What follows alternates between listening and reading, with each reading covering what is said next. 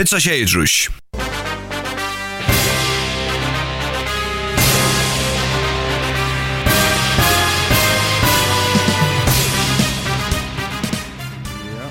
velkommen atter til uh, NFL-sendingen her og FM1. Hette så akkurat åttende potter uh, Jakon FS-sendingen, og til sjående velkommen a senda sms-spurningar av 5.5.5.5. Sean Tix Blush Live i kvöld han 8. december klokkan 20. Vi skal se hvordan rønne sverdige spurningene og jøklen sendingene. Som senast, og som akkurat sier senast, han skjedde ombringlet som det vi er for meg. Vi får tross han også en ekve engst og akkurat mal i det, og tar bedre tid å brøyte årene. Så jeg vil be ombring fire til til til garve, til Tigarve. Tigarve, først, maføringene. Tigarve, Vi er så fulle mannar i det. Uh, vi har Aknar Presta, Axel Berg, eksperten, og Mishavan Arnar. Og så deisen innenfor vidjan av Peter Asbjørn Lervig. Velkommen til Peter Asbjørn 18 jo. Takk. Godt. Nu skal mikrofonen fra eisen her. Kjør så vel. Jo, takk. til, uh, vi kommer til oss om alle dissene som har også i playoff-bildet å gjøre. Ja. Og kommer nesten særlig nå at her fyra utvalgt listner i det. Her vil komme oss til jipper inn i nina listner. Uh, Eiste kom av det at det er så spennende playoff-bøyden som, som det her var. Til her var Ötline var vi for noen vik så igjen, og nå minker det sån nye år. Men det er stadig, stadig øyelig, øyelig spennende. Alt kan hända än. Eh och isen toppsiden i sin playoff på kunna brightast nästa sen. Ehm så för att Eisner hittar då procenthöllen och medlin och så är Agnar Brest över hokte till och lukar som tar konkreta chans emot till Hinneline. För jag nåa playoffs här så var det nog med 100% och det kommer nästan av sötne. Det snär där och i häsar rättsfällen var så Patriots Bills, Bengals, Ravens, Rams, Vikings, Dolphins, Saints och så tänker jag sig till att hinna det som här också vi playoff bojlade att göra. Och den här for nek, så färrar vi til første testen og til versjonen til Bills vs. Patriots. Senast har rivalerna møttes tydliga i desember, vunne Patriots är nok så snedjandist ta quarterbacken Mac Jones bärs kasta i trukast i ötlund disnon. Da kör man det breka sin til å høre vinte. Spurningen var så om at hesa fyr, om det var nødt til å kasta mer näsar trutjar färnar. Fourth and two, they like to press it and go for it. Now I think they actually run the play. Allen, fourth down. Sidearm, catch made, Stephon Diggs. First down to the 10-yard line. Bekkere var nek bedre i Esther Tordis noen, og du sås det beina veien. Pages byrja vi tveimund pass plays vi tar opening possession, som det er ovanta. Kanskje det borde runde Walter Marius dessen nær tog i første holdet hei Mac Jones bærs 5 av 13 completed passes. Hans har akkurat vært sera inaccurate til togir. Men vi skulle ikke tega nægge fra The Bills og Josh Allen. Tar vinna dessen nok så samfunnet 3-3 vi 21 og vise eisne tar i Super Bowl-buljaden i AFC. Pages tapar en annan affær og er kanskje kommet ned i hjørnet etter etter å ha iverpressera og gjennom tog. Kanskje anker også samtidig mer her. Men kan se at det tror Eh, vad heter det som vi säger, en samförelse säger till Josh Allen och The Bills? Det är alltid väl man kan, man kan säga. Ett av er... Eh, man kan säga att det är man bor efter, som man helt vi som man hällde vi Bills. Tror jag att det behöver inte säga så rally en... Eh, I bevisande gjort just sjuste viknar. Och jag hade att Josh Allen, han spelar alltså på nekva matar en helt suveränandist. Ehm alltså han hever häver 314 yards och 3 touchdowns men det var alltså han ger allt med han rendrar nästan 12 färna för 4 yards och det är sån rättliga viktiga runs och nästan sust i dist något han via lockan och så här alltså och han är man kan säga all upp i Chaba Imon och han ber där fullständigt och jag kan distance så det är det är en öjligande uppmuntrande tog akkurat nu i Buffalo tog jag att uh, hetta ser. Hetta ber så helt spennande ut. Han ger ett feiler. Det er... la, inte går så snakka som som kostar eller så så det det er ganske sånt det som Ganske ångte jeg alltid med förra man har sakna från han är just usnäcka feiler, det är kanske par strat nok som sen hankra hon ta vet han inte vel, men men det att ta det försöner på spel utvärdet så Ja, men så spelar han som som jag alltid man han spelade Nick Fury som som är den bästa quarterbacken i NFL. Ja, det är liksom en stabilitet som ska vara här så han kan göra öden gott och han kan nästan göra några failers. Ja, och vi tar sig så sista veckan alltså faktiskt Patriots hade vunnit en distance, så hette det här uh, tredje här division nu. Men nu ligger nu ligger Bills knappt igen framför där och skulle ja, jag kan bare vinna två dister en mot Falcons och så i mot Jets och så är det här divisionsvinnare och är uh, rettelig väl vi på en eller annen måte i EFC, eller för en ganska imska kan man, kan man helt runt där. Vi vet også sitter om Patriots her reisende, så halte jeg vel, man kan si at Mac Jones spiller elendigt, just det sånn. Ja.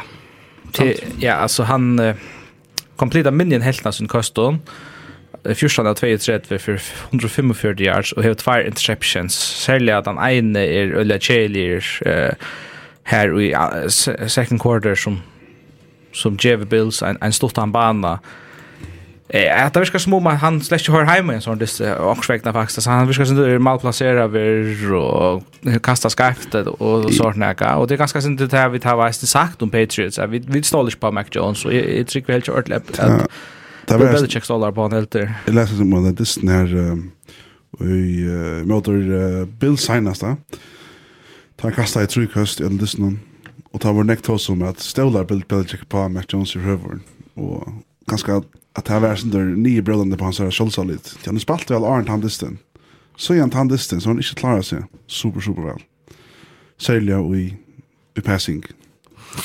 Ja, det kan være det. Det kan også være det. Det er bare nu att nu ska han gjøre sin demora. Det är linje här kanskje også råkne sin demora ut hva det er som heter Pages Lee er, Och, och det är nu är det mer pressa. Alltså det är rörliga reelt alltid at, att nu Eh nu nu ständer att på den skält jag faktiskt andra sidan som på spel så hon är det som så där lever väl fri till till att bli andra sidan i i AFC och och en vill nummer 1 faktiskt. Ja faktiskt ja. Eh men nej alltså nu är eh Tauche inne i så så ofta i så han säger öliga grekt han han helt i kök som han han han hookar sig Peters han är inte helt i kök Mac Jones är klar än och helt i ösnet som har strängt så här bär och higga ett quarterback nästa så så samma mån med den som spelar jag det fjärde spelare, Josh spelare yeah. och så en som spelar som är rookie. Ja, jag häktet mig. Nej, ja. jag åkte faktiskt det snå. Eh, en annan dag man eller hockte jag ja, man ter här rätt sån och man eh och man hickar jag vet inte. Jag är bara så rädd irriterad. Jag åkte Jag kört mig där bøyna för upp i natt, men vi kom till den distan. Eh, Och och att samma så sitter ju med sitter sin irriterad men efter till ta här och miskunnsnäck folk Patriots. Det virkar akkurat som att Bill Belichick han löjtar. Och så har han sagt att han uh, han är fullt avligt av Max Jones men allt tyder att han är väl inte. Alltså alla hans här outcher och Jack och såna så de två och kanske av stå är har röst Max Jones och sen där och helt det här han faktiskt vill få in nu. Nice det vidare. Men, men uh, det var ju så att, att han... Uh, jag var ju slash om, om Mac Jones bara... Jag var ju så salit. Uh, vi minns lite att vi tar oss in här och hittar topp 5 och i, och i, i power ranking. Så vi är här. Ja, jag är men... Ja, ja, jag är inte. Men jag vill säga att jag säger att det här vi vi skall så lite så hon tar. Det är skilt inte hur jag Belichick kört i motorn eller att han kastar så jag för det det är fullständigt att ta bollen i handen och det också att gå i över om gaming alltså så han tar det tjej och så hårt och tar alltså då är det här man bara inte stålar på att han inte får göra en fel. Och han är bara så Oscarsprisen det någon. Alltså tar jag på third down till dem. Så hade en ut av touch. Det är det är helt eländigt. Og himmel var det rettelig feit at sutja til at alle avløp tja Bills, det er køyrebarhet, det er ponta ikke eina fyrir dysten. Ja. Det er skåre, skåre, skåre, etla, var det, det som kjøpt at på her, og det er fyrste fyr.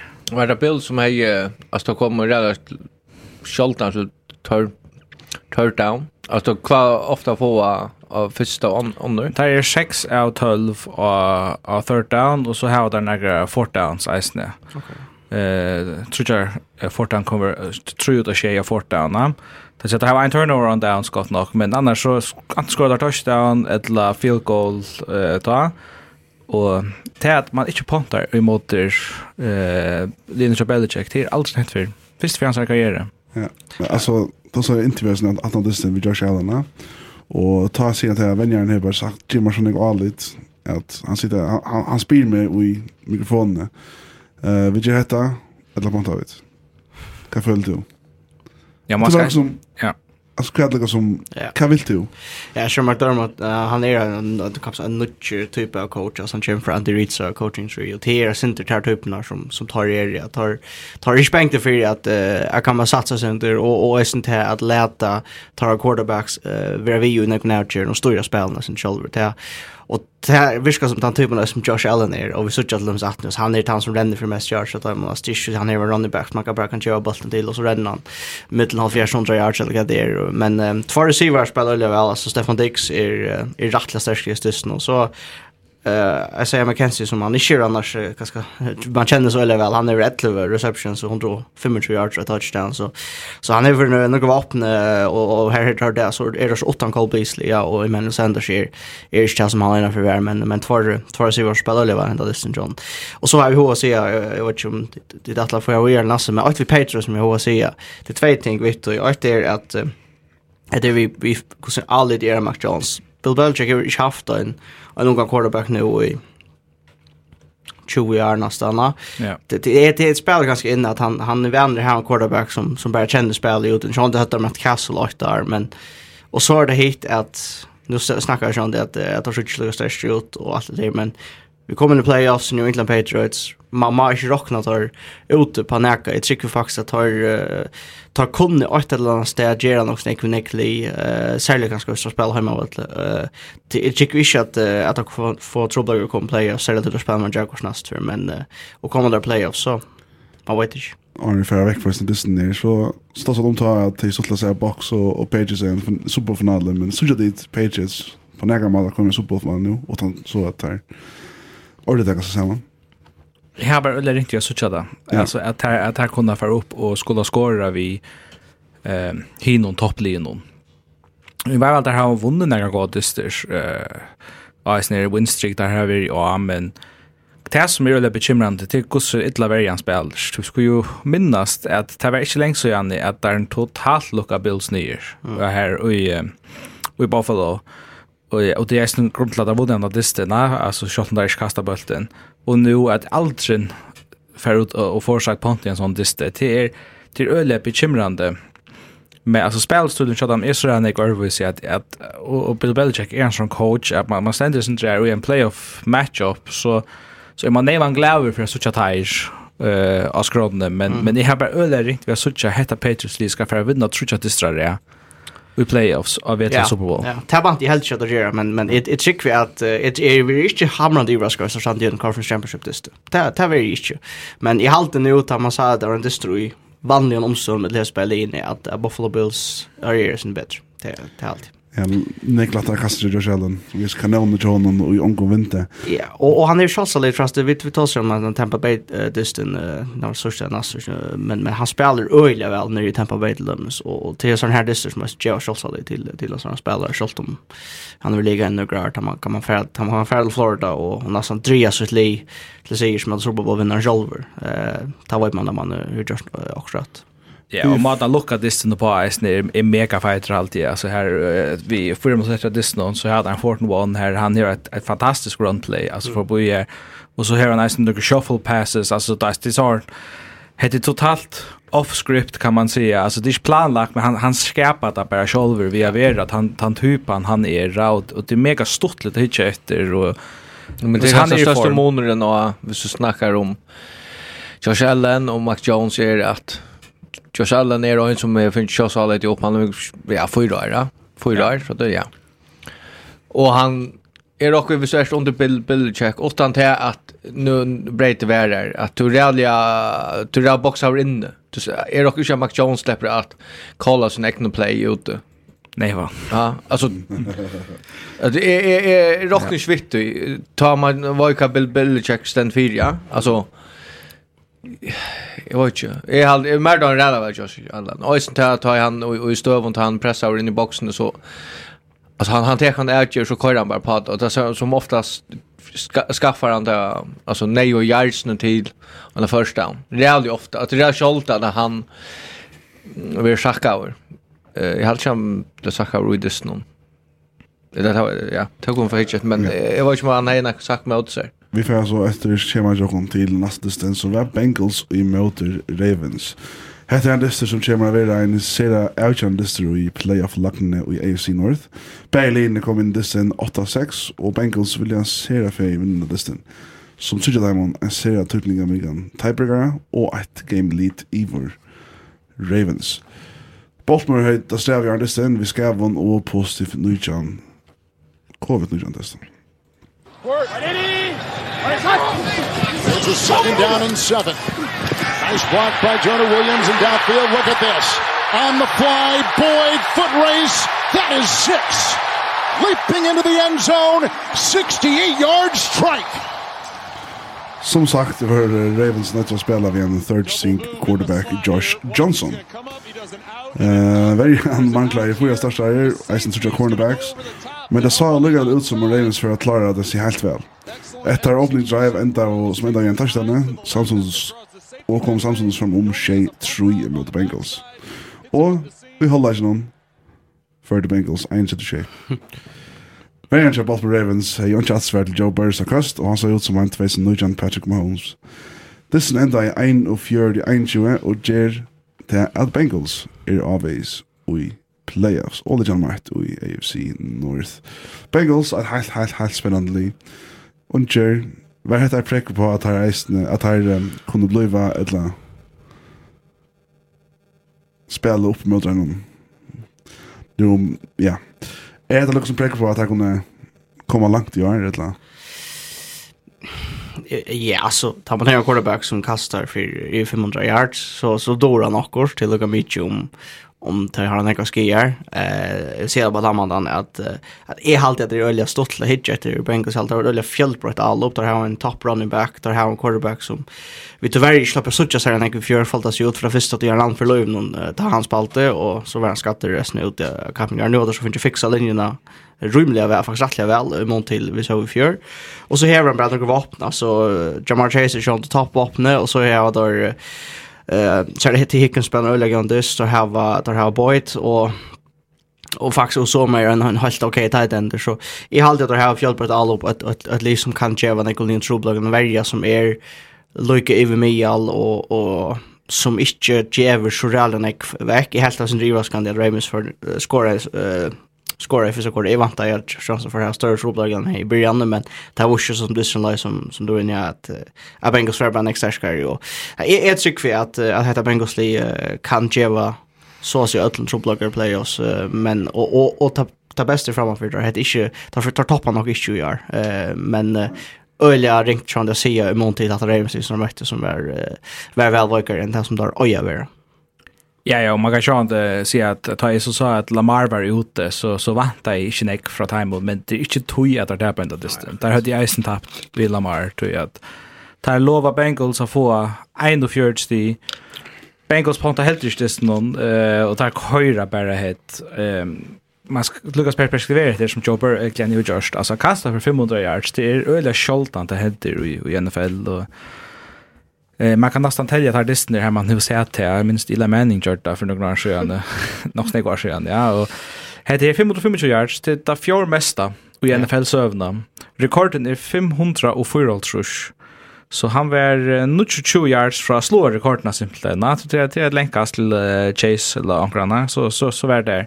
Så det är, det är helt, helt sövligt det som, det som vi så från honom. Och ja, allt, allt klickar jeg bara. Fullständigt her. Ja.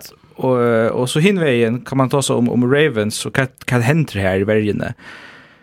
Ehm um, det som är raskan nog det är att det faktiskt får något snack press av Joe Burrow då man hickar efter jag syns att att det faktiskt har 2-20 för en press och han. Eh och tar linebackers spelar nu för men det är simpelt händer secondary. Tar är här är inte spelar rätt alltså man vill hicka inte hickar att kanske ranka är så där det är lite bot 20 av öllon i NFL i över allt där där där Men och till till Sövan, ju Archer Ravens, alltså ett ett trick för att ett annat ställe så så så måste vi bara droppa. Jag har alltid faktiskt nästan ni säger det då prediction signas. Jag vet det inte. Det får nästa skier as Lindon och till till närmast ohorst. Alltså tar häva, jag vet inte vad en 20 spelare injury reserve. Och där har Nick vi spelar just this nu. Där får jag defensive backs injury reserve och så tror jag att det var ute i sånt där, va? Så tar man ständer och ska spela, hvis man var som låg nummer 5, 6, 6, 8, ett annat ställe i rättsfilsene, så, så är det eisen ringt att jag möter hessen i alla någon, och det är... Er alle utsendte tema man peker på er, er det som, som kostet av listen der? Jeg hørte Trials layer name, det er en artisten. og sen og sex manns at han som kommer, at han tredje som kommer. altså, det er Trials, men spiller i D2 og D3. Ja, det hørte simpelthen spiller av roster i vikene nå alltså fullständigt ja. håll jag det. Då säger jag sån Harpo han över träffar efter någon en en av Disney ändå och bo för fejla. Alltså och och, och han säger för sig är bo för det att jag har running backs. Ja, och hetta byrja jeg sen Iron Cup Kappen Gar för gång till Liverpool preseason at Ravens bare finner så reala next skier. Och alltså så Ron Stanley hur Eisen tar left tackle ut och alltså till det är stora stundspelare och det är bättre till så vant att timen i år. Simpelt för nästa år. Är också vis vis bara liner över fullt så jag så så. Så hållt det snur väl näck man tattar men då som till minst att att det styr stilen till Ravens det kommer nog i garbage time nästan. Ja, tar skora 2, tar skora 60 i fourth quarter, tar skora 14 i första så.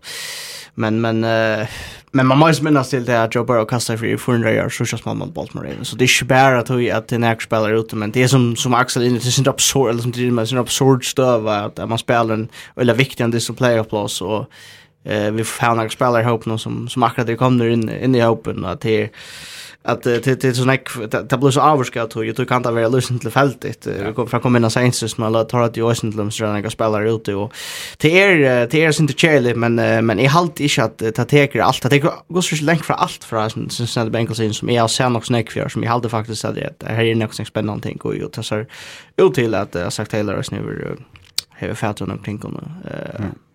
Hennar rekorden är ju bara här alltså. Man kan inte ta det seriöst, vill jag säga sagt alltså den att spela mot en liga som är människor spelar sem för sin fotboll. Jag vet inte, det var min mening, men men för sant är det sant lunch och nu isne. Ja, där där köra synd nog så lunch av via kasta isne. Till så som amerikaner där med schväl som man som man man blev vi att att röna att skora shot man eller framan för eller så där men det är inte så helt falskt. Han kastar 6 4 för det snön, Ravens kastar fjärd för alltså men eh, ja, man må bare gjøre dem rås for etter, og det er ikke først for sånn det som du sier, Ragnar, altså, eh, 400 yards, det er sånn sånn statistikk at det var hentet en femferdner mot Ravens, eh, at han kunne kastet for 400 yards, og han er just så tvær for nå. Men ja, så ja. langt er det at Bengals er uh, C3 i AFC, og... Han har øyne avhåverda styrsesmøting mot Kansas City Chiefs her i neste vike, og det er faktisk noe stort til å suttje hvordan spelat her opp i mot Chiefs, ja, det, det, det, det, det, det, Er det så sterkt som man kanskje kunne tro at han sa han hertist, eller for det er bare at kollapsa ta? Bengals er topp bottom botten trøy i rakten av covid. Så tar jag recession nu mot till uh, Chiefs som är uh, i topp tjej. Att jag läste till det här. Ja, spännande vet om Trey Hendrickson för att säkra Patrick Mahomes. Han, uh, till er hans över linjemärren till Bengals och spelar åtta handskar. Jag hade inte öjla på här spelare som tjejade. Man lägger värsta kvar för nästa. Han, han är säkra i ett lödysnar, ja. Han kom från Saints i, i offseason och som en öle stor signing, eller som en signing som faktiskt är viktig för att dra defense. Han har ett lödysnar, uh, alltså han har Saka quarterback at little area så det er i halti han hever det är dalt med Jansson med Jankran att det är som alla men han han han är god som spelare som är väldigt rätt han han är väldigt aggressiv och och och i halt att Bengals har några sin linje till att att se att att ta kunde bjuda Chiefs så men men så bara springa går går så väl att bjuda dem där. Ja, vi kommer till att nästa nu. Ehm Bengals är så mycket sex nu och Ravens är touchar plats i playoffs vi någon 8-6 record. Vi får bare loja til neste stund, og det var en, en spennende, og her er snakker, er faktisk i raskan nekker Vikings-fan for jo. Det var Rams mot Vikings, uh, leading NFC rusharen Dan Cook, var setter av covid lilla Distan, beint av Distan, nek di er Distan, og Rams har vi opp og nyer i alt år. Hette er en veldig test-time i møte en NFC playoff contendera. I sin eller kom på Vikings ta fed i playoffs.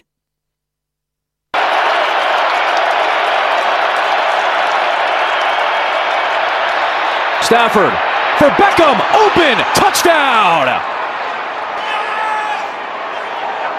And a little gritty from Odell Beckham Jr. with Justin Jefferson watching on the other side.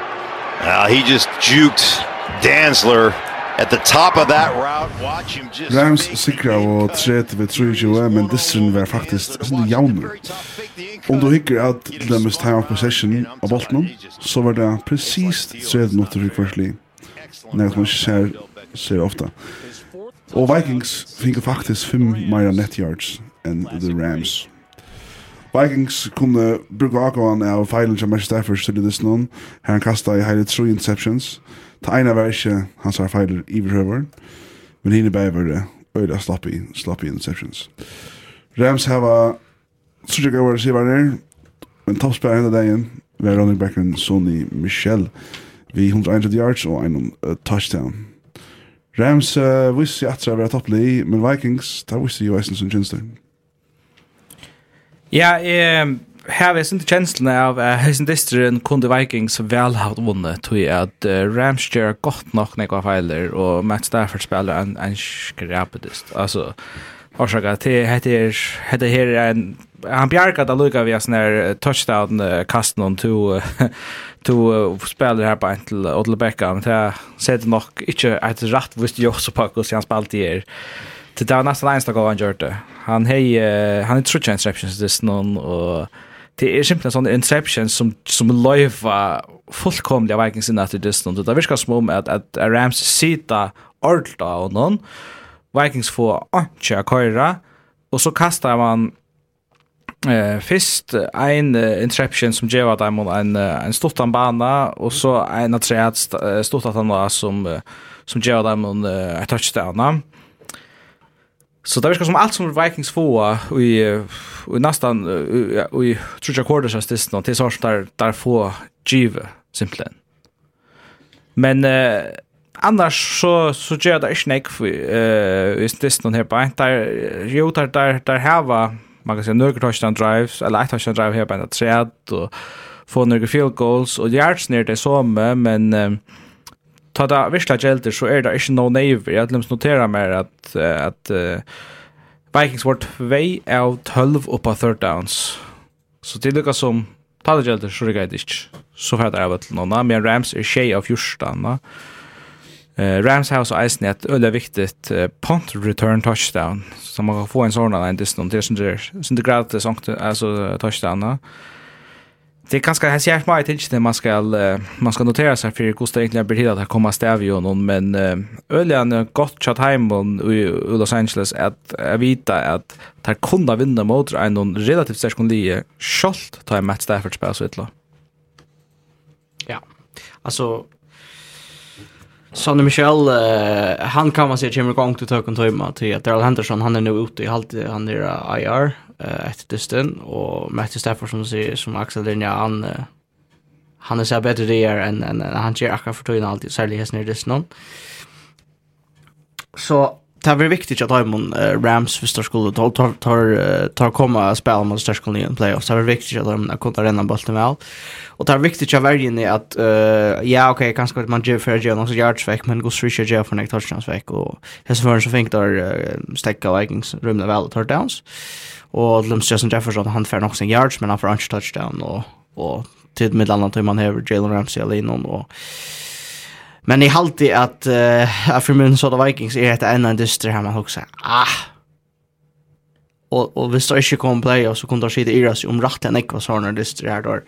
Jeg vet ikke om det har bättre men gus för hur det vill nog gå till dysten. Alltså tar tar för lagt trösta mest för det tulljes dysten og... och Og og er er går så vi ästa vi ska anka som att er outer är outgjort nästan men men er er halt jag lukar att Los Angeles Rams är bit lien så att jag inte har halt inte den grejen men men nej alltså altså så var positivt upplevande för Rams och Montic har så för några veckor sedan att det har ett trubbelt vi vi några det som drar på på någon uh, borde vunna kan man säga. Det heter en det som som man var inte ganska arm för lite lite av nu men men det hade han kockar ju vi det gör sånt det sånt det där Ja, och renne spelet i Vikings uh, Ricka jo slett ikke uten det snön altså Mattsson han har haft nekka goda dister, men han har 13 carries för 41 yards og så går det sort goal line touchdown han fikk göra.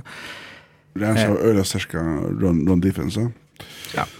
Ett av bästa i ligan. Man ska ju bruka minst två spelare till att blockera en annan allt så det har ska sjön det öden ek och och det är så inte bara han det där här har sin öden ek är starka spelare runt om här så Eh, men jag vet inte alltså i halt jag vet inte för tossa lyssna om den så mest till anke alltså när Lino som ligger till att komma och i NFC playoffs som har också ordentligt okej. Här ser Ölen chatta så playoffs. Kanske Vikings sitter mest i chatta där men men så skulle det som de säger att de kock vi til at, uh, akkurat er här som det er noen helt ikke, at uh, selv som tar var vi så hade det inte rört det nog till det redan ordet spennende, eller så sålt.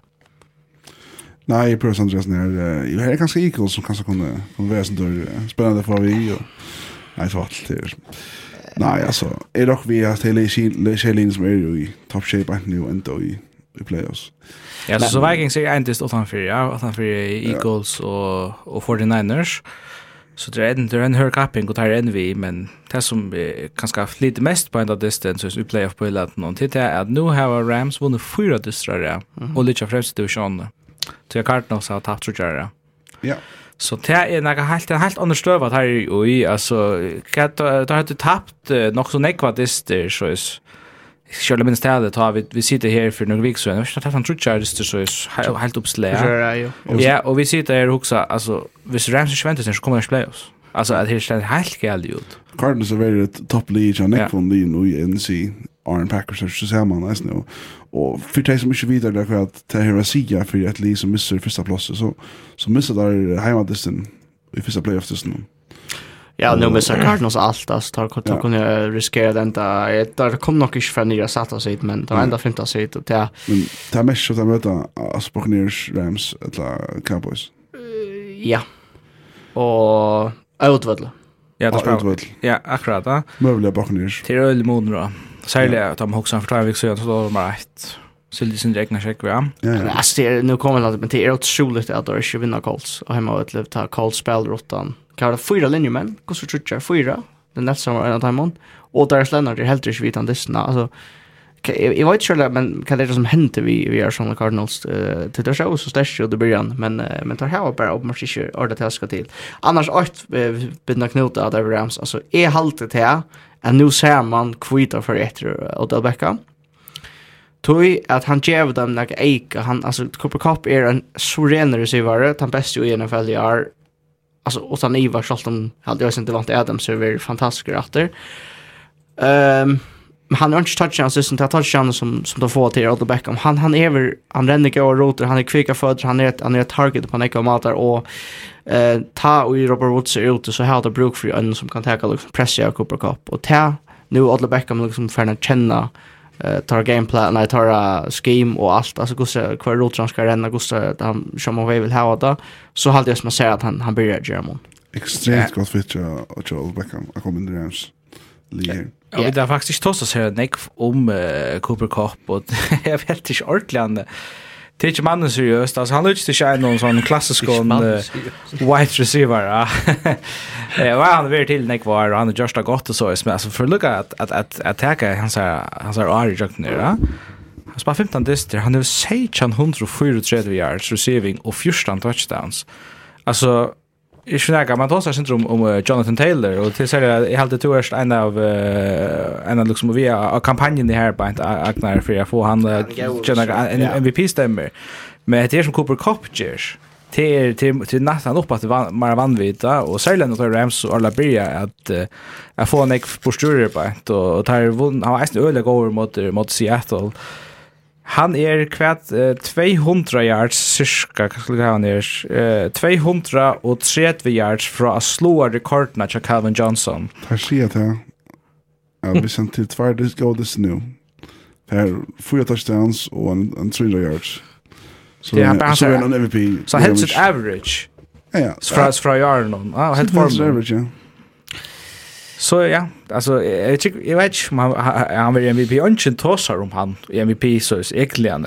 Eh men att jag vill haft det om non quarterback som vinner MVP eller snacka men men alltså jag har inte bara vid hört Moluka Jevon och Sudros det heter det sövligt det som han levererar det gör jag. Ja och han spelar onkandist som inte går nästan. Alltså han är onkandist här han här man kan också också okej att han är short till det. Han är alltid vi på en kramata vi spelar shot tar det snart gingen ett eller annat Eh halt det stes när alltså 100 yards and touch catches shot man score touchdown så.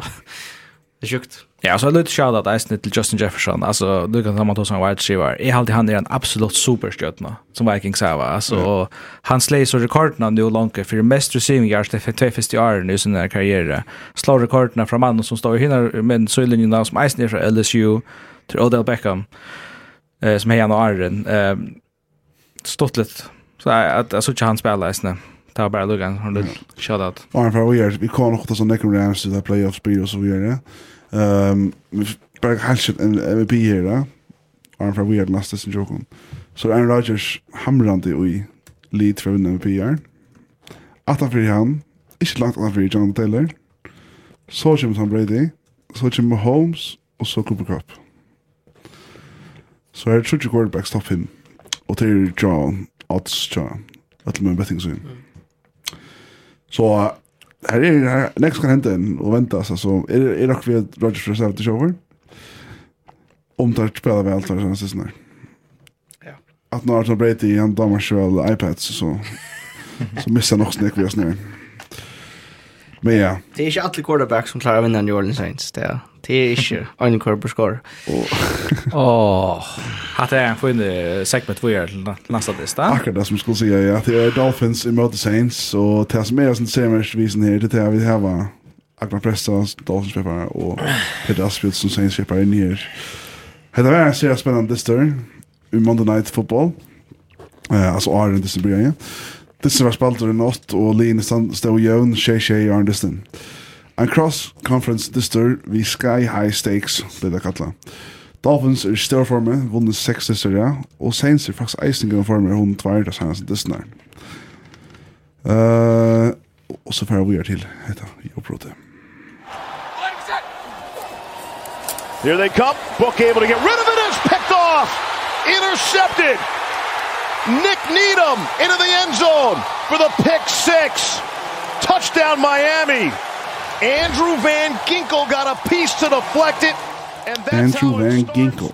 Ian Book, fjorde quarterback av starsta for The Saints i år. Skiar COVID special on dessen in to The Saints. Men uh, forcing quarterbacken i en. Enda så han ble 23 til Miami. Ikke i vraskande da man sa distan. Distan var eisen i øyla ein sujaver til The Dolphins. Saints klarer ikke å konverta etta einasta third down i ötlen distan. Fyrste fyr, fer listen da fikk post yards and third down var Mives i third quarter. Bayern til Dolphins just ser seg ut, og vi er en forcing quarterback som kastar et elendigt pick six, er det ser ikke The Saints er få nega som helst på sjur. Aknar og Peter Asbjørn, hette vel liksom distance dikken bavon, og, og for seks viken så gjerne så sier Aknar til at eh, Dolphins, jeg vet ikke, det er ganske nasta år, og, og for noen viken så er Peter Asbjørn at han, han tror på Saints i åren. Hva er känslan nu att han lyssnar på det här spelet? Oh, skulle jeg börja? Nej. Eh, jag vet inte. Jag ser ett lock vi till Dolphins för att vinna det. Tapp tjejare. Vinna tjejare. Det är flott. Först för NFL så under. Ja, först för när och Jason Wattall är... Men och det är ju det så Hevdo Sensley som faktiskt gör allt rätt defensivt. Du, du är bara en så skräpig quarterback. Och som jag allvar jag stått lite till han har först om natten i behöver han trackar in och vet du. Alltså jag hade känna finns ju om något där. Jag hade det är lyckas som. Och så är det här. Så kunde man väl backlog track på här Sean Payton, så inte Groman Moira. Men då har vår nog snack var av covid lösan då. Du har vår Uh, Tog tog och halt i det, 15 spelare in jag var inte det är så ett uh, sensli som uh, inte är ordentligt här men alltså väl hade prekva att jag alltså defensivt hade prekva då vi väl vet till att uh, alltså Dolphins för på det för en och ja jag vill schakta för en och i fjärde kvartet är det outjust att Dolphins ska alltså tatt det alltså halde är Det är bara att du har en quarterback som inte klarar att achieva og ja. Eller, ja, talte jeg. Jeg, jeg, jeg åkte til, jeg kom til eh tre kvarter og så var klokka snakk, og hoksa, jeg var så der med fall annars er jeg ikke han som slutje og fer dvors men men eh är så är simpelthen vånlöst. det är rätt syrsligt men är simpelthen vånlöst. Ja, men alltså jag hade jag sånt att han tar skål 20 tror i Dolphins och Tullio i fortal. Så sånt så också en tror jag scoring går så då locka ordentligt men men jag också faktiskt har vi skorat ett field goal till touch noll nog i mitt i första quarter. Då också är faktiskt okej. Nu är det svårt att säga så faktiskt vinna det. Tui att tar hava tar hävat det vanligaste offensiv i NFL nästan tar häva en quarterback som, som är han. Och att de också har tui att tar häva tar quarterback med fyra så har det faktiskt inte en att träd runt om som rycker. Eh till att ta få sig själv kan vara igång på negatorspunkt. och han han är ju runt i tre eller fyra eller vad det är. Ja, och och tar här tar här han är nästan inte vapen som man kan olja stål, ordla stål på. Eh och Dolphins av Sverige är faktiskt eh ja, tar spelar mot Leon Löten som inte är så öliga stark, men hon är den näst starka så i NFL ut där sista två månader halvtid per statistik så så är också faktiskt att betutch noll att och tar man det sig i en bok två drives så säger okej okay, hatta färdar nok att at klara skolt om två ta ta som skall till tv så två att filer står större för som kostar. Ett lock shot löj händer och två en interception som är rulla grim men uh, men annars så har inte att på några touchpunkt. Sen säger åt uh, tar det två goal drives och sen skor field goal på och åt tar resteckar och fort goal alltid. Ta ta skulle ta hade faktiskt en full drive men men Miami Dolphins uh, Eh ja, jag hade inte att uh, Charlton Dish blev lucka för nu fourth quarter så hade jag att att det var nog så tryggt det mesta av en och tog att tog jag sen så är förtanläser vi en quarterback som ja faktiskt inte fyra klass spela som som tror jag sin ja Peter Aspen och det det är ju jag måste för jag måste lucka för googla det här Vi också snack för han är och Du varst reserve eller covid-listan och han är två spelare. Oha. Alltså och, och Alltså ta ta ett som Hill och Trevor som jag nöjsen vi jag är. Eh Två ju spelare även så och så kan fyra roster vid det så så är det Neck. Alltså Aluka väl halt jag Och som att han var tar vart ösen näck som var och och Kovleson och alla går klart höjer. Ja, är helt över. Eminent gott, men det är inte över till den går quarterback har vi Vonda. Släkt ju. Det är väl. Och tar tar spelare som kan vara spelare. Det är Luka tar klart alla hantera Jalen Waddle i den här dist. Annars spelar Ulle väl som Davenport och Cameron Jordan Joe trubbelagar till till den här Dolphins linje som är under mig all på Ulle jag matar faktiskt längt under mig allt det men uh, men Saints uh, tar jag det så att Disney lever det minst alltså så så faktiskt faktiskt har en chans skolt om ta ånga det ordentligt när vi att uh, kan man säga jauna. Eh. Uh, det är så där kälet att här var så här var alltså jag kunde huxa upp en och fång första back och sånt så vi det har löten så det vi gott nog vi under hand. Mm. Ja, og hva helt og egentlig er, er man uh, enn vi, altså 28, det er eintist at han for, for Niners Eagles, men jauner vi Vikings og Falcons her. Ja, Falk, og Falcons vann ui, altså Oh, ja, det är det. Jag ska vinna den listan faktiskt. Nej, det ska vinna den listan, men då eh ja, tar ja, alltså tatt. Jag har alltid det att jag tar på tapplan listan, men det Vi snackar Falcons. De snackar nej, Falcons. Men Falcons men men uh, äh, Falcons man vi än alltså i uh, Nej nej, jag menar så man har en chans. Jag är full där vi har en chans, men det ger ju alltid till att matematiskt inte är möjligt. Men det är jag alltid inte att det är realistiskt. Spel mot Panthers och spelar mot Falcons. Mot Falcons. Ja. uh, och man kan säga Vikings har ringandest Eagles har Cowboys etter reisen og så da. Altså, ja, det var Giants ikke, først. Vikings vinner ikke alle. Det Det var Washington først da, ja. men, men vet ikke hvor tiebreaker med Tar Boer hvis det er fyr. Altså Saints er, är Saints er bedre än Falcons och Eagles för allt, ja. På tiebreaker. Ja, og Eagles har Washington tallier av en nyheter. Så er det prøver, ja. Så för det til strengt og schedule som jag synes värre att rockna ut. Alltså tar tar ESPN eller tar som rocknut för tar tar 70 procent av Saints så tar tar bästa det till. Och det är näck bättre än grundlig som är det. Ja. Alltså det det det som är bara jag vill ja. Det var ju som till Sandper Raspen eller det som är helst Hey James Winston vi talker att Kappinger är. Gå se heter Saints så så att Det är helt fax att det var några öliga gå tecken John Fistoina. Hade vi bara ja alltså Hey James Winston väljer så ja det är ju rätt hypotetiskt men han han har ju präkvas att han är en quarterback som eh som klarar sig lika på en annan plan så att man är redan chela så stitcher av snack om det kjela ja om interceptions och så där men men han absolut klassar bättre än det som är värre att han absolut klassar bättre Ska man se att nästa år att, att vi satsar på James Atter, ska man få skaffa några annan? kan det det är alltså vi tar vi kommer är Inte draft omkring Det är riktigt draft omkring det Saints. Ja, och det mitt och i första. Och det mitt och vi tar och vi har så vi har snäga ruffa vi. Och det som Sean Payton var ute i fjör eller fyra år till er. Ja, inte cap space la signa en free agent och och han var ute vi och säger till att uh, han må alltså vi skulle ha draft in efter. Eh ekan det som man säger.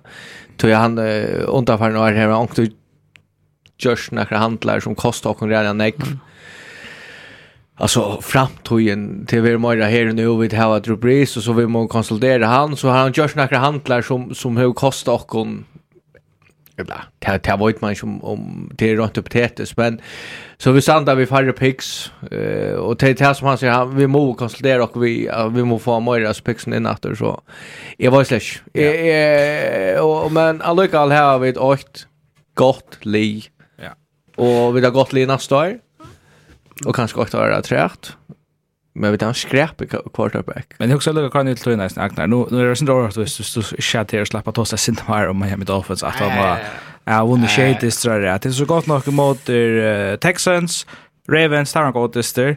Jets, Panthers, Giants, Jets atter och Saints vis ner quarterback. Det är säkert det starkaste linjen. Ja, men men man har haft en helt skräp i början som säger man är ett och tjej Och knappt lämnar så kör eller väl. Kvad kvad är det som rycker är det att det spelar mot Nick Latter och Leon eller kvad kvad är det som fungerar Miami? Ja, så jag vill inte ha sagt att jag har pratat att att jag måste vara ta bättre men men det här är nekvadera vi vi kunde man möter. Det här är ju på rum.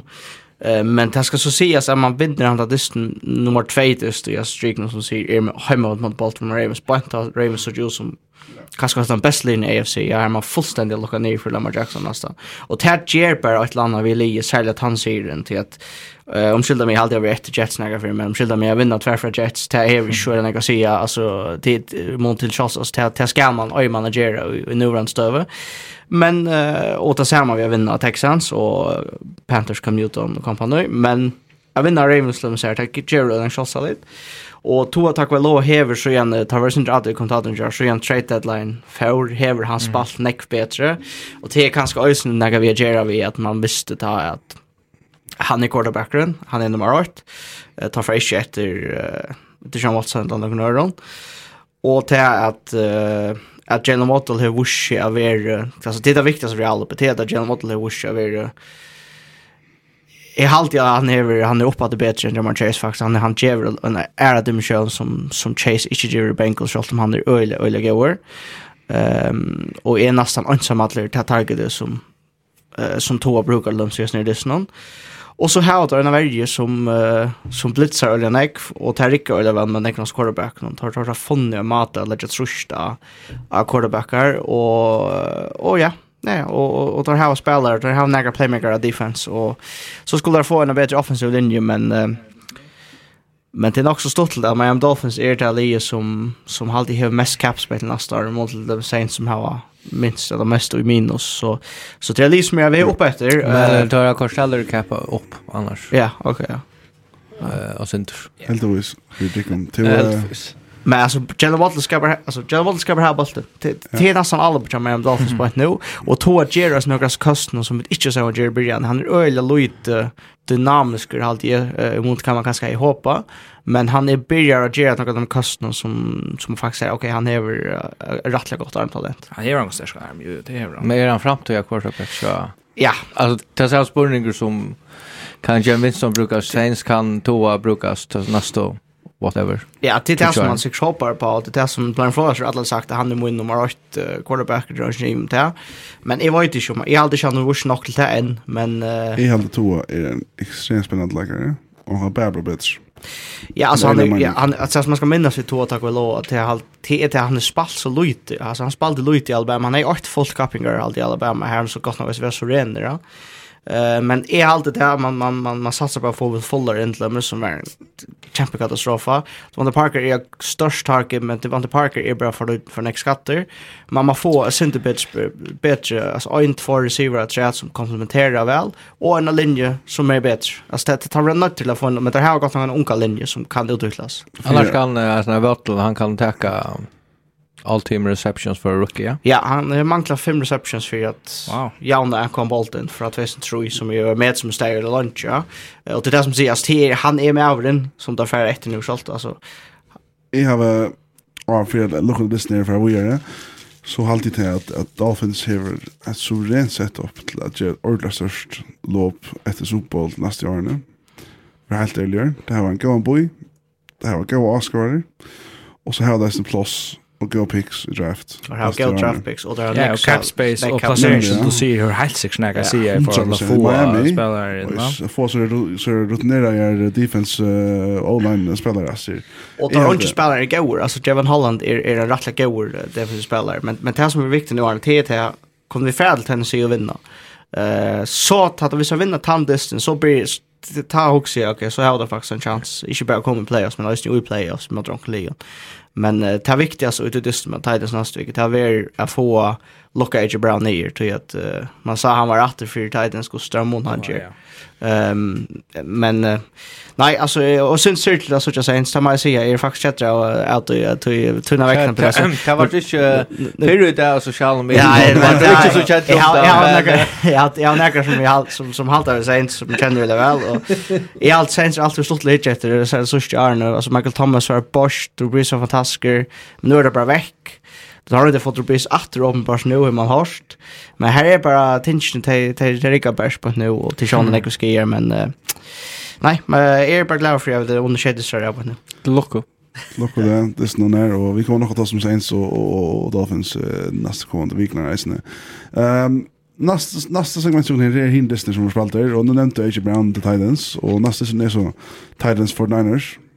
Chua, Sejan. Ja. Till Titans jeg satt og hukte etter til det noen, det, mela, det meste av noen. Og altså, for Reneiners tar, virkar bare som om at det er fullkomelig dominerende Snibirian. Jeg husker, dette var en walkover, der lett jeg seg 8-2-0, og et eller annet sted så burde det fremme for 4-2-0. Og grunnen til det er ikke gjør det, det tror jeg Jimmy G, han blir at dette sånt er det noen. Altså, han spiller simpelt hans ytla at han har lykka. Han hender å gå av byrjan, og jeg, jeg, jeg, jeg sett vi en sånn kjensle av at han kjipper etter kvar godt. Altså, Jimmy G, ja, Eh alltså han han allt rycker bara bara nu så så någon men så kastar han en interception i red zone. ta där skulle lägga sig som ser vi är åt det här bara. Eh och så an nästa drive så har han en pura blänkan Kyle Juszczyk som man uh, kastar han för förbi och så det är liksom så här tvär fel när tar tar gera till att uh, att tar inte komma som sagt åtta kunde vi få ut något dömes. Så börjar man andra hålla och man ser den här också ju till till en tar tar en sida dist någon. Kassa Inception som ger att Titans en stort han bana. Där kom in att dist någon och börjar så att spela väl och AJ Brown ger stora mål för där är ordliga visserligen faktiskt alltså. En bärande kraft här och Tar som maskinen kommer på kör här på men för Niners 80 att haft lucka ända disten har sitt neck med John. Så men det är simpelt. Kon rika för det Jimmy G. Och det som jag skulle säga om han till är att är nästan hot till att spekulera på om vi om man skulle lärt han uh, Trey Lance kom in spalt. Det heter då alltså heter gånger som man ska kasta han hirdist veck men han uh, hever en skia nu i tomlon. Slit jag ett lipan tomlon och bröt jag lite petty av knockland när på och är faktiskt rätt livet samman till week 16. Så man kunde gott säga att Trey Lance kom in spalt och spela mot Texans. Och så han spelade ordentligt väl där. Ja. Skats. Okej. Jag kommer faktiskt jag förstår man säga hvis han spalt ordla väl och en sån dyster mot texten, nu kör nu texten som mot Chargers. Alltså om man så bara säger vad ska vi köra vad gör vi honom? Ja, hvis Trey Lance spelar, hvis Trey Lance spelar väl så blir han inte att rusha Jimmy G efter det. Men men Towson Trey Lance har spalt här har inte har gått ut men men till very begränsat Det här är det som att säga också alltid jag särskilt jag spelar fotlandis men men han till en grund man draftar han ja. eh så han har mega nek upside ja du ser det som också sort super bowl akt det är inte samma med Colin Kaepernick ja ja ja, för Alex Smith men det var en outer man tog alltså point en playoff. så hette så det var så nog så mitt i åren då akkurat ja. det är point en playoffs men men man kan förskilla sig hvis han kommer in och virkelig spelar väl och där har så nek runt om sig Då är det synes så anpa vill man vet skeda trycka och Jimmy G och så hoppa på att man kan uppskeda ett eller annat upset eller så kan man få tre lines in och spela orla väl alla men inte rookie quarterbacks och i så den vet 3 eller 4 5 start. Ja. Det är inte akkurat en en en, en uppskrift på vinna en Super Bowl helter men men stort spekulerar bara. Men Titans så att några show moral som Titans. Alltså gott nog åt Derrick Henry men uh, alltså går den för en run game. Där har vi random corona och Scavon eh hava no kan distance ser helt illa ut men uh, nej i halt i att Ryan Tannehill är en fin quarterback han är en gammal med Dolphins quarterback så Eh arm arm för vi är han i hopp i hopp i hopp är han lätt det kommer ja i hopp är han vinner nästa nu alltså allt ända alltså Miami Nej men jag halt bara jag halt inte att att jag kör då nästan Jimmy G jag hade han spelat en vinnandest Nå, jeg mener, og i mån til han hei, hva er øyne, tver interceptions, ok, ja, men 322 yards, Tannehill 200 yards, jeg vet ikke, altså, skal jeg sette seg slik, så, så, Han spiller finna det styr mycket. Han spelar bättre med Nathan Stafford spelade mot the Vikings. Vi får till nästa distan. I mån till största orsaga till George Kittle champion distan. Alltså han han, han finisher Kittle. Ta ta man Jerry så skulle skulle vinna alltså.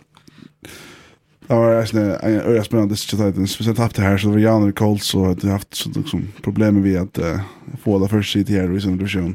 Men vi får så vi nästa sen tar så Packers mot the Browns och Packers knackrad för det vet ju. Jag tror en quarterback uh, som kastar entest veck och Jimmy G så körde Baker Mayfield da, alltså upp att det äggvisligare. Ja, fyra interceptions och just det någon. Det er, och lika väl Så ligger han til å teka her mot enda av distnåna til er Det är sindra oskiljande att uh, Packers kanske inte lukka disten, men, men till att uh, Browns börjar ölla väl. Men så börjar det komma fel från Baker. Så kastar han först en jupan på bollen interception och så sätter så så häver han eh en fria man som man kastar på om tar det er i scoring range. Och så alltså mot ändan hålla i någon så underkastar han man och Jerry Paxson stort han bana som ger att han kan komma i scoringsposition ska touchdown och hålla i. Så grunden till att Packers lägger sig åtta här 42-12 det är simpelt hänt hur jag Baker Mayfield spel så ettla. Och så kommer så bara en tack tack tar komma åter och det är nog faktiskt rättliga väl. Och så hade 2 minute drive och tar renna bulten att börja vi tror jag finna area. Jag vill aldrig se detta för. Alltså jag kan inte minnast. Alltså alltså så vi är två mot tre. Eh kvar hen är där bulten och lukka lukka han att ha det mer specifikt där. Alltså när egna 25 yard linje. Att det är inte för en att att det tre run play börja att kasta han. Det tror jag att du har inte allt av Baker. Här bänt. Till rätt tydligt och han börjar så för kastan och så gänga så så hör han lugga en first down og så nekka incompletions og en interception. Som lukka distina. Det er rævlig bekymrant. Man, sier, altså, man, man skulle tro at maten tar, spil, maten tar coach på til sist, at det var Nick Mullins som spalte i atter. alltså men han spalt nick bättre på Raiders än det är det är det heter ordentligt all alarmerande för Cleveland som än är vi playoffs hunt by the way. Ja. Första drive John var gott. Alltså men men så är det bara alltså du har Mayfield och men Rodgers och men och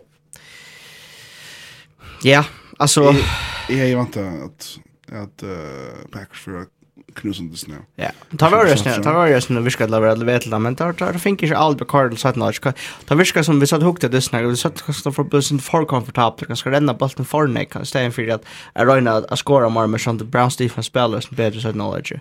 Ehm ta fram alla lockat det vant Adams ner som man nog lonta som mest förra.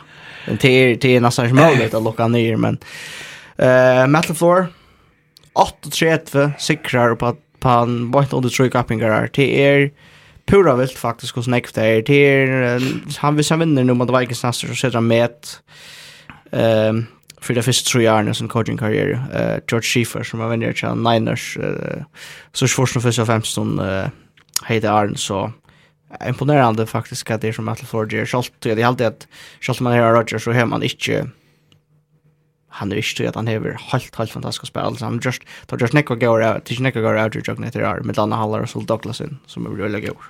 Oha, ja, det må man säga. Han var practice squad, va? Och ja, han var den dist mot Cardinals första ja, och och från Sean och ja. Ja. If får være last stand uh Colts Cardinals her er sånn the Colts som som som som er STV's playoff pitcher nere, og Cardinals som har skamla fullstendig sammen. Axel Colts vinner serie 16. I mot Cardinals. nei, bare sånn det. Ja, eh och att det är tärligt till en god till två som är jag syns det av kvarsen vi på nu. Alltså Cardinals har som vi nämnde förr tappt uh, tror jag distra det. Och lite knappt här i wildcard resten med Colts körer rättliga väl och hugde man Iron Distance så så hade bookmakern styrkesmätt att styrkesmätt ska lucka ju och kanske Colts att vet bättre. Så det er ganske sjåra det overraskende at det er en vinner hendet distan helter, men altså, det er korp etter Cardinals. Jeg, jeg, jeg, jeg, jeg synes hodet samarbeider vi Steelers og fjør, börja 11-0 och ända så tapar så förra sin först till femtist, sist femtist och tapar första rundt i playoffs. Jeg vet til nek andra till Big Ben och sånt, där istället. Det var det som sketch som, som Miami FC, så lyssnar. ja, ja. nämligen. Jag snackar til. Det er sånn unfair, Alltså det är halvt satt Kyler Murray, han, han spelade spiller vel her, men omkring momentum, chatta han bara fullständigt affär och Ja, yes, det er ikke. Her er det som måtte Cowboys at kjepa. Kanskje det kommer til å være fyra dystrere, ja. Um, jeg har mist uh, trunno på at Terry er en contender i NFC. Jeg vet ikke om det er sant. Ja, og det er som er, ja, det sikkert jeg som men altså, tvei høys var oppvekk. James Conner, DeAndre Hopkins, ja. Två spelare som, som særlig Conner og Øyla Gaurier, men uh, tar Conner ikke være en høytan åttan utantar alltså det det då kör det så jag skall med man ser en fin runbacker men uh, nej alltså är alltid där jag tror att man tar inte klar vinna Colts som Michael Sonic spelar alltså. Ehm men det är intressant att Karlsson och det att, att kanske vänster ute. Och så är spårningen han det corona alltid ja. Akkurat finns corona. Och så är spårningen kost här avskadar så det när tar komma några player så all, men um, Nej, alltså Cardinals uh, fått ett trubbelt, øyelig trubbelt, men men Colts kommer playoffs till Tacik. Cardinals kunde riskera att möta Rams och Buccaneers och Cowboys som sätter Jan hus runt det och ta ut i isen, ja. Och ta, ta som är också Cardinals för att gärna göra. Så att de ödla var särskilt med det här som har varit toppkontenter. Det kom så upp på isen och en package så ser man. Nästa jobb till så Falcons Lions. Här kött med det ner. Falcons 20, Lions 16. Jared Goff skattar, nog till att Jeg sa over ved mørens at det var quarterback for ikke? En boil. En boil. Hvorfor går du ut Jag har Det var en av bästa distans på alt. Som greier en touchdown interception till bättre än enn alt annet. Bedre touchdown interception ratio än resten av grejen John. Ja, men sier på dem att Detroit Lions har väl vært prikket at det ikke er ringa så li i NFL. Alltså Det er det ikke. Och det är ordentligt winter time regissjon. Det var ødelegg go picks nästa år. Falcons halte Louis i playoff-vålene. 2% chance, sier han. Stenter på en. Men der skal spela mot Bills og Saints. Så jeg vet inte där båda distnar så er det nok nog på over inne men uh, jeg Jag ska gå faktiskt gå. Det ska man inte till. Så det er kanskje sin lukka lugga mycket. I hope so kommer playoffs. Sorry, jag ska gå över playoffs. Kyle Pitts är väldigt spännande. Han är ett champion target Jamat Ryan men spåren är som tog tror inte Jamat Ryan är är något som vi att träna ut Charlton han han stadig kan nog ting men att det faktiskt är är en search like av det som uh, som varför för några år sedan. Ja. Och så till Eagles versus Giants Ja, alltså Sean Filch är inte bättre vet att jag spelar som nästan relevant nu men det ska ju att där spelade vi Jake Fromm som uh, som quarterback. Första start i karriären i honom ehm att han har Mike Lennon inte levererar över någon och Daniel Jones han rutade vi ska ja. Men där halta Eagles pura nirri och i dysten alltså det körde resten eisne fyrri år tar vunnen mot mot Diamond ta Eh hade nästa halta där från jag minns inte vad den där vi skor helt fast i trust i skit i ett landa. Ehm Så i tre kvarter så ber Giants att känna riktiga feilen och ta för till flera stier så att Eagles. Så självt om du sitter riktigt så för sig touch så är det inte en en mega flott uh, prestation helter av av Eagles men tar vi som section och det här faktiskt nu ensam att lösa när nummer 6 sitter någon i new playoffs så och Sanders som ska. Ja, vi skulle kanske vänta så tjata där vi i, i wildcard weekend. Jag tar öra ganska kul kan jag procenten här så där uh... Ja, alltså Eagles kommer alla deras players. De har uh, 83% chanser. Ja, alltså tar, uh, tar skulle spela mot uh, fotbollteam näst. Som är generop. Ja, och så minns jag så inte akkurat här Cowboys. Fotbollteam har chanser. Cowboys. Washington. Nej, alltså till 6 procent. 6 procent. Det är mer än kvart Falcons. Ja, så har Giants näst som där nog vinna. Nej, det var inte så faktiskt inte om det gör till. Det har alltid sett att Washington är värst att har tar sig lägga. Det var sista veckan hade Giants. Ja. Alltså nej, nej nej, nej, alltså Eagles Eagles är inte något till att att gärna gå mot playoffs territory. Men det däremot är Washington nästa vecka så är chansen 12-5 procent at det kommer playoffs. Men ja, Eagles er i playoff picture her, men jeg vågner faktisk av Vikings som vi er her, så, yeah. så man faktisk mer spennende disse ja. Uh, nästa sjokken til, så Buccaneers mot Panthers. Buccaneers skulle faktisk uh, svare etter at nå tar vi shut out i sista veckan. Då spelade man den uh, seriösa stärskonhakt vart. Panthers-lige. 2-6 Ja, alltså Panthers som organisation med Joe uppför så inte alltid att Axel är eller väl inakte för och och Sporting är som om Rule ver ver head coach nästa år men eh att på kanärsli som manglar offensiva profiler som bara vinner nämnt alltså ja. öliga nämnt och och jag ber att det jag ber till att han på Bay av gover så blir det også til til øtlen hinlein. Du tar var skræpet for på mars. Ja, men her... Her er bare så i spår. Ja, jo, jo, jo, men det er det som er, det er det som er, gong kjøtt i NFL, fall, altså, men vi snakker om at en sier på 6-20 i 8, godt med nøven som fornett, og... Ja och onkel du Eva. Alltså jag smärtar tajmen då. Det är där ska ha sin spelare klarar alltså och, och satsa på att hålla fast på att de har två CTR och och så är det absolut en contender i NFC. Men Godwin var nog inte klar till play eller gå för till början playoff sen också säkert så det Han är ute resten av världen. Han är lever, ja. Han är lever, ja. ja. Han som kan skada Sopo. på. Men för nätt var för nätt över som att man vill vi att. Ja, tack om att för nätt nog att nästa vecka. Play playoff Lenny, ja. Ronald Jones gjorde gott. Han eh det accenterar ju också alltså han han blir faktiskt religious till John Bash som man kanske kunde bliva. Men mm. men det största kört Kvart runt och kvart där. Jeg vet her faktisk er yeah. nästan som jag kom Texans Chargers og Chargers som faktisk Uh, kastet av disse bort mot Chiefs sørste vike. Her er jo ikke som sånn der. Men uh, spør om Texans, og Texans lige, vi tar var starting roster dem nere mynter, og her kommer man her 1, 2, 3, 4, 5, 6, 7, 8, 8 mann som er tøtjer. Ut av 22? Ut av 22 mannen, eller 24 mannen faktisk der. Å ja. Eh, og tar vinna 41-20, men de ser jeg ser jeg er ikke Chargers lige. Kvært skjer... Ja, altså, hette er topp 5, eller bot 5 roster i NFL som er, Gosver fått 5 og jeg skal... Ja, jeg vil ha faktisk etter ringast. Ja, etter ringast, ja, og så er sånn grot, ja. Ja. Men hade det ska hända att Lee spelar om playoffs och alltså tar jag Kinallan ute och Austin Eckler ute i show. Jo. Ja. Jo. Och og och neckver defense. Ja, och då tar Blue Rest kan bli så tillfälligt att det som händer då att det är såna spelare som är ute och och nu är Chargers har tappat det på en öle Charlie mot mot Chiefs. Eh tar very åtta tappa i overtime fra tog jeg tar kunne bjøre out til faktisk til å vinne divisjonen så er det nå i Stone Sjoblagon og i playoff eller Stone Sjoblagon det er rettelig Størn Sjoblagon jo det er det altså tar, tar, tar, og, og tar spiller med at det ligger som är rättliga rättliga vakt. Så. Och procenten till Chargers? Därför är jag att 33, jag ska ha en 30... Axel är där. 33 procent. Och där spelar mot Broncos och Raiders, den här Ja, det kan. Och där är en stöven nu, är kjolt om tar vinna på sina dister så er det stadvek av henger av øren urslit og rundt omkring seg, ja.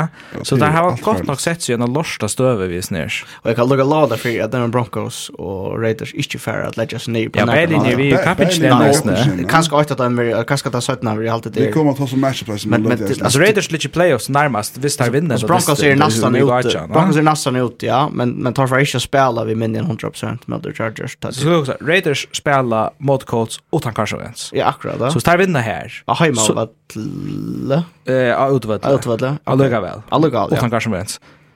Och så spelar där hemmavölle mot Chargers. Ja. Och här kunde tar i halde tar vinn tar inne hvis tar vinna han distance så vi nok så står når check like men Chargers shot om tar vinna han distance skulle hava några under urslit. jag skulle hava Ravens inte fortsätta vi vinna till dömes eller och short era så heter heter en katastrof. Alltså ja. det är det som jag säger är trick faktiskt på något sätt kanske den näst bästa liu i AFC.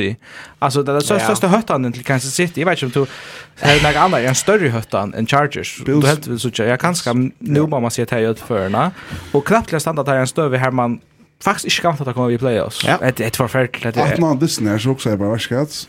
Att det ligger inte i topp 5 Och jag ser. Jag jag jag jag- jag jag sa ser fick nice och helt ju som Texan sånt det tror att kvart är ju liksom tapper är gott för Jocko. Men tuttle är så bloggarna. Tar kommer nog playoffs. Spelar mot en Steelers som faktiskt kämpar om att playoff och så vidare. det så väl så där man klarar sig väl senast i allt det Steelers. Men Chiefs som anklagar en Rick var spelaren visat här att det här var backup till timen är extremt störst eisne. Ja, men skilta men alltså Big ja. Ben alltså jag vet inte lika. Eh Chiefs Vergan som jag tar så näck om senast viknar och en touch loft det slår ett mer i fancy. Eh Kanusa allt stilla slinni. Det full stand fullständigt ni. Nej, men det passar. Där får ett touchdown den garbage time eller kvar. Four fifth string spelar in Chiefs och alltså 60 stör och linje är en untouched Ja. Så fem av sex listan det är vilt. Och det är det reande tror jag att att det har haft defense men så har de nummer 15 hinner och och Tyreek Hill och och kompani. Ja, alltså så hade det att hade det Super Bowl i Power kom kommer att skjuta ut till på nu. Eh 6 och så hade en en spelare från Byron Pringle. Ja, nämligen han som jag också han... jag glömde att notera han. Jag helt nämligen faktiskt jag halt att han börjar att bliva ordentligt yes. yes. Han hin spelar. Ja. Han sa roundrunning är exceptionellt och han sa det som ta motig bollen och motig bollen i plassen. Så är han i topp 5 av alla running wide receiver i år att han motig bollen och väntar sig utan pressure som man säger det säger. Det känner han alltid. Att få mest på sjur. Ja Det är rävla löjligt att säkert hava Channel en wide receiver 3 en lead. Men jag har alltid känner wide receiver 3 på en läst men men men men men han han är blivit till han vapen i åtta år in som som jag alltid att man har sig haft bruk för en och tog jag chat alltså ut ut till tur att han har haft några error sen Watkins så så det Uncle Super Bowl runs men eh han kör Robinson så jag det Marcus Robinson då. du. Så säger jag. Ja, han skulle och med Carl Hartman alltså skulle lika som tar skulle vara att han men tror inte att blunder det ja men men men, men han han han, han brukar uh, sex tjej receiver still hälsar vi fundist. Mm. Mahomes and Reeds. Och det är också fight att göra det. Men nu nu Pringle bara mer mer game time allt innan. Men han har bruk för mer än en receiver och i playoffs som ordla kan luta. Och Det är spänt att här Hill ofta dubbelt tema över. Det är som är alla alltså konstant nu faktiskt ja. Det det det plus schema till där. Kelsey och där Hill på ett fall kostar kvar en en en linebacker och Kelsey kvar för det så mycket allt till Atlanta Titans alltså. Men lucka att ta playoff applikationer är snär på. Det är faktiskt lite Chiefs knappt en stöv här. Vi tar vinna mot the Bengals nästa vecka og Titans tappa i motor Miami Dolphins, så har jeg tatt seg nummer ett sitt, av vi i siste vike, og kunne ja. spæra Mahomes og er spillere fra Skjøen, og kanskje der skulle skunde seg gjøre dem korona, så det er ikke ut i playoffs, nei, det er ikke Ja, altså, för mig att jag chillade där spart Hill och Mahomes att han har fem minuter för andra third quarter is this. Ja, en fantasy final hon hon räcker på det. Ja, ja. Nej, nej, lagt främst den. Men tar det färg, ja. Men det skulle täcka playoff på det. Ja. Du tar som det är ram så Ja. Jag vet inte, vi tar oss syndrom att täcka bara bäg två, jag synter överordna. Så jag vill ha på hela veckan så nästa vecka har vi kunnat hitta fram på och annars blir det synder hitta att på på regular season. Så hvis vi börjar vid NFC så er Packers nu det ser ut til at tar för att ta ända ner så konferensen där är 12 och 3. Här har sjön det en nog så troplandist mot Vikings där har senast här. Tappa där här och Cowboys vinna eh mot Cardinals så är Cowboys nummer 1. Men eh, Cowboys, Rams och Bucks lite så nummer eh ja, och nummer 2 här där så jag sa rätt som den du uppe. Cowboys nummer 2, Rams nummer 3, Bucks nummer 4. Ja. Ja, så det Rams vi er. Cardinals har lukket vel, da Shotter tappa, tritja seg playoff plus, tar koma enda nummer 5, kunne gått enda framme for Raven, Rams enn til slett ikke hoksande. Rams har en uh, troplandist etter, vi måter, um, uh, ta's spra måter Ravens nästa vecka tar Emma Holmes, uh, Lance Jackson. Lamar Jackson, allra helst attra, ja. Ja. Og så er det 49ers og Eagles som litcha no 6 och 6 vi 8, 8 og 6 record. Og så er det Vikings, Falcons og Saints utanför vi 6 og 8 records. Och tum ett något annat Washington and har en chance vid 600 men Og så hinner eliminera ja. Så att NFC så look at Ja, vet du, som tar her, da, kvett, kvett. Det er å si NFC til det at her kan man bare om sidplassene, altså kvett og så videre, ja? Ja, det er noen kvart kommer vi i wildcard. Ja, ja, ja, men her ligger det nok sånn ek nå til Niners og Eagles, altså det var som 18, selv om Niners tappte nu, altså her var Houston som kan ta vann av Los Angeles Chargers, men jeg vant ikke at ha vinnet i Santa Clara. Ehm men alltså det som här kanske vi också stått lite är vant inte Vikings vinner Green Bay tyvärr Vikings fans men Det har stått lite undan dessen så hade jag haft en, en rymlig chans att förstå för allt in eh, nästan lika mycket kvart händer in dessen någon. Um, men det ser ut till att Niners och Eagles för att komma in i, i playoffs och Ja, och så och och är rätt säker på att Sarley att Eagles här tar tar rugg första rundan till Ranch Så bara spårning kan händer i, i hinlinjen. Ja, det var nok for trubbel til Vikings av vinda hendan der, av utevødlig Green Bay, det er selv at jeg pekks heva en ordentlig å spille for, ja, og det er skulda der, for jeg halte luiv i vondne. Ja, det har vondne atla dysna Lambo i år, så halvt typisk det. Ja. Så, nei, jeg tror jeg. Men Saints, eisene, det er 35% chansen, eh, Så at timer som er utanför så tar som som är störst som störst procentvisan chans som jag Och det är bara simpelt en matchups till hinnom. Är det ring. Ja, men är quarterbacken är klar att ha Panthers Falcons. Tar vi inte bock. Spel. Tar vi inte Tim Bock som spelar. Det är corona chat det som är alltså han nog att. Ja. Och ja. Så det är men jag vill det att Men det är samtidigt vi tycker på är ju att det ser ut till detta vera alltså för Niners och Eagles som tar wildcard och så Anton Cardinals eller Rams uh, hit wildcard plus og inte divisionerna. Och så är bara några spårningar om Packers på en eller annan mat inte vi missat det nummer 1 sitt men Det är ju det jag ska om det Cowboys nummer 1. Ja. Ah, kom on. Nej nej nej nej nej. Stäcka, stäcka. Men det faktiskt orsakar vi vet inte kon vi nämnde Cowboys men tar bänka Washington där. Men alltså det är nog inte att att tar skjuta faktiskt utla som ordentligt är vi i NFC Cup-ingen. Uh, Dak Prescott är för han spelar spelade en gående startres för, eller ja, han är center. Och, och tar här faktiskt en värre vi, vi playmaker, alltså tar här playmaker, alltså värre inne. Och. Men uh, styrke pro nu, alltså champ egentligen efter Arizona Cardinals Dallas Cowboys är en av de mest spännande nu just nu för en, om han inte kör playoff-indikationer mot till hur playoffs, men uh, Det var en ordentlig styrkeprøve for bare linje alltid, tror jeg. Ja, ja. Minnes meg rett, og sånn vann Kyler Murray ikke halva dårs Cowboys av fjørt av Kyler Murray spalt i her. Det er alltid med minnes at jeg gjort det. Men samme gjør, men, men det går så veldig en dyster som kan vara rätt spännande. Hese linje kunde faktiskt möta. Ja, och division är ju helt riktigt outgjord. Ah, ja. Alltså, du vet, vinner här mot Cowboys så är det ju, alltså Rams kunde väl täpa och utväl mot Baltimore. Ja? Och där här var 49ers i sista runde. Ja. Till helt jag nämnde dyster. Vi kommer till nästa match som möts lite. För bara AFC bara. Ja, här kan det kvänta. Här kan det kvänta. Här bara mitt liv som, som är center. Som är tjejare. Som är tycker, ja. ja. Och, och nu har vi faktiskt, nu, nu, nu är det faktiskt här att vi har nästan bara största platser som det är ordentligt spänning grund till att det är också liksom är när vi att... att... Alltså Titans tar är 25, tar lite bank nummer 2. Vi tar vinna en tista träd, eller Colts eh, täpa en tista träd, att sen syns två månader och till så emot Dolphins och så utvärt mot Texans. Så har där, jag vunnit en avsnitt så har jag vunnit divisionerna, så tackar jag ut från. Uh, Bengals är en 40% chans för att komma i playoffs det är bänt. Eh det han också ringa det där. Tar lite så så som nämnt åtta i AFC North. Kansas City nästa vecka och så utbyte mot Cleveland Browns. Um, så Bills tar touchen ut divisions divisionen mot Patriots. Tar har chans för uppa 85% så tar är så gott som inne. Sen mot Falcons och Jets är vant att tar tar komma att jag tar nummer 2 eller 3 City här på ett. Så er det wildcard race. Det er faktisk rettelig spennende nå. Så er også en scenario. Hvis Chargers, Raiders, Ravens vinner, og Hinlin og opp til offenseisen vinner, så hever du, så kan så heva 5-6 li av 9-6, ja. som kapper som 2 pluss. Ja, det det mest spännande när man när man väl att Tate Trulli inne vinna. Eh men ett chick för att att det var real trouble för Baltimore Ravens särskilt väl ska någon. Jag vant att ta på det Ja, jag vant att Rams och Steelers. Jag vant att komma fattla nu alltså så veckan nästan.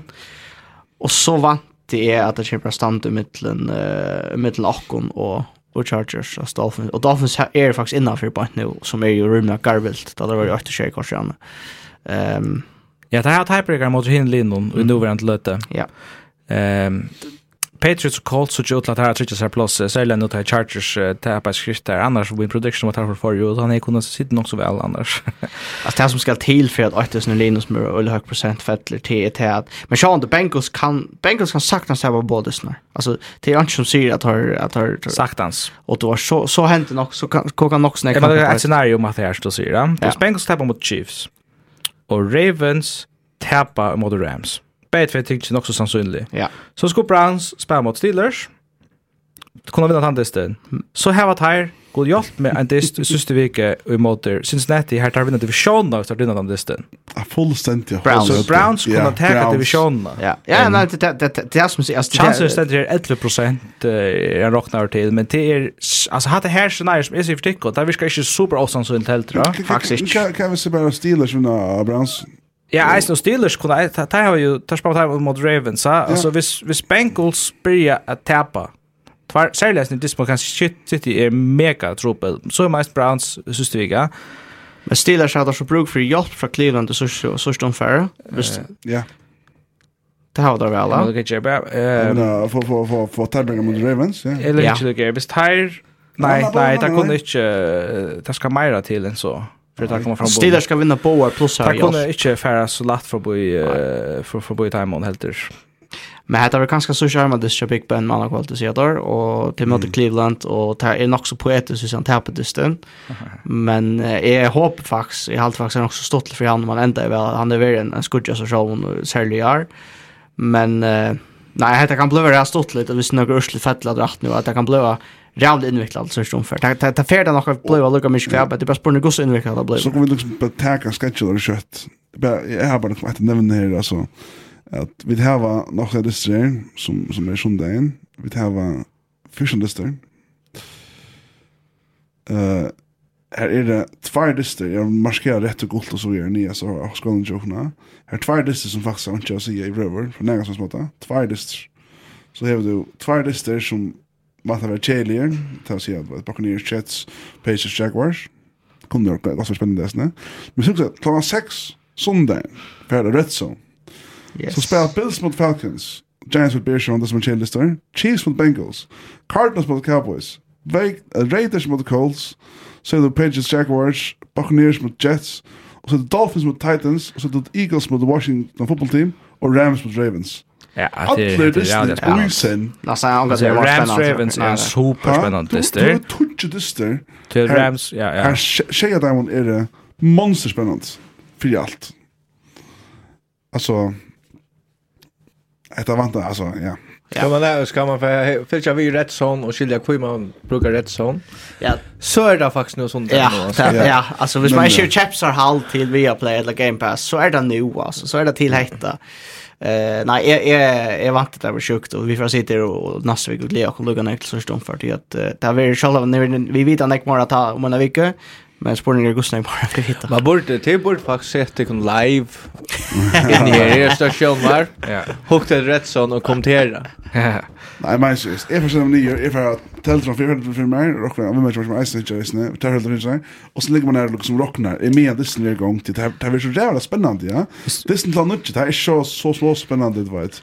Men tar kanske lätta hit efter att nå. Två jag kan anbefala till det är som heter ESPN Playoff Machine. Det är en delta är snä Facebook NFL förra her på en kan man sutja projection på det, och så är det en sån 538, tar har sånn prediction av procent nu att kan jeg det fra, så kan, kan, man, kan man googla det, så, så får man det ser ser procenten. Där Men jag ser man her nek spennende scenarier, Uh, Raiders Chargers spelar i sin sista sista vecka. Man kan förstå att det er sånn vinnaren kan ska i playoffs här. Alltså man kan, man kan virkelig sånn nek fyrir seg, og det det är så näkt det snack möjliga efter men det är särskilt att sista platsen som är vi uppe Anchen är ständigt till att uh, ha mer än 30% chans att teka det.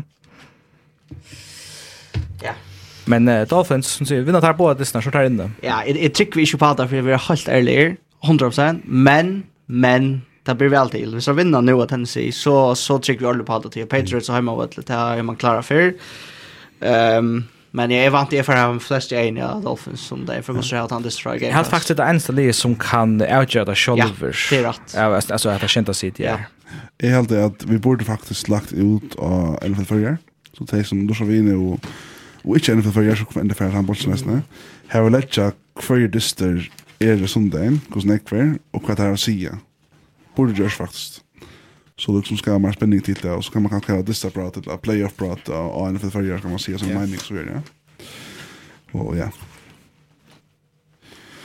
Men eh hade jag ställt här det alltså hvis ni känner det är lite trött. Är jag befall i öllon NFL har jag och kanske det som mycket jag har jag att jag hittar till rätt sån söndagen eh tej som inte känner sig nästan finna någon annan man som vinkon som det var som inte vi och det kan förklara några ting och så vidare.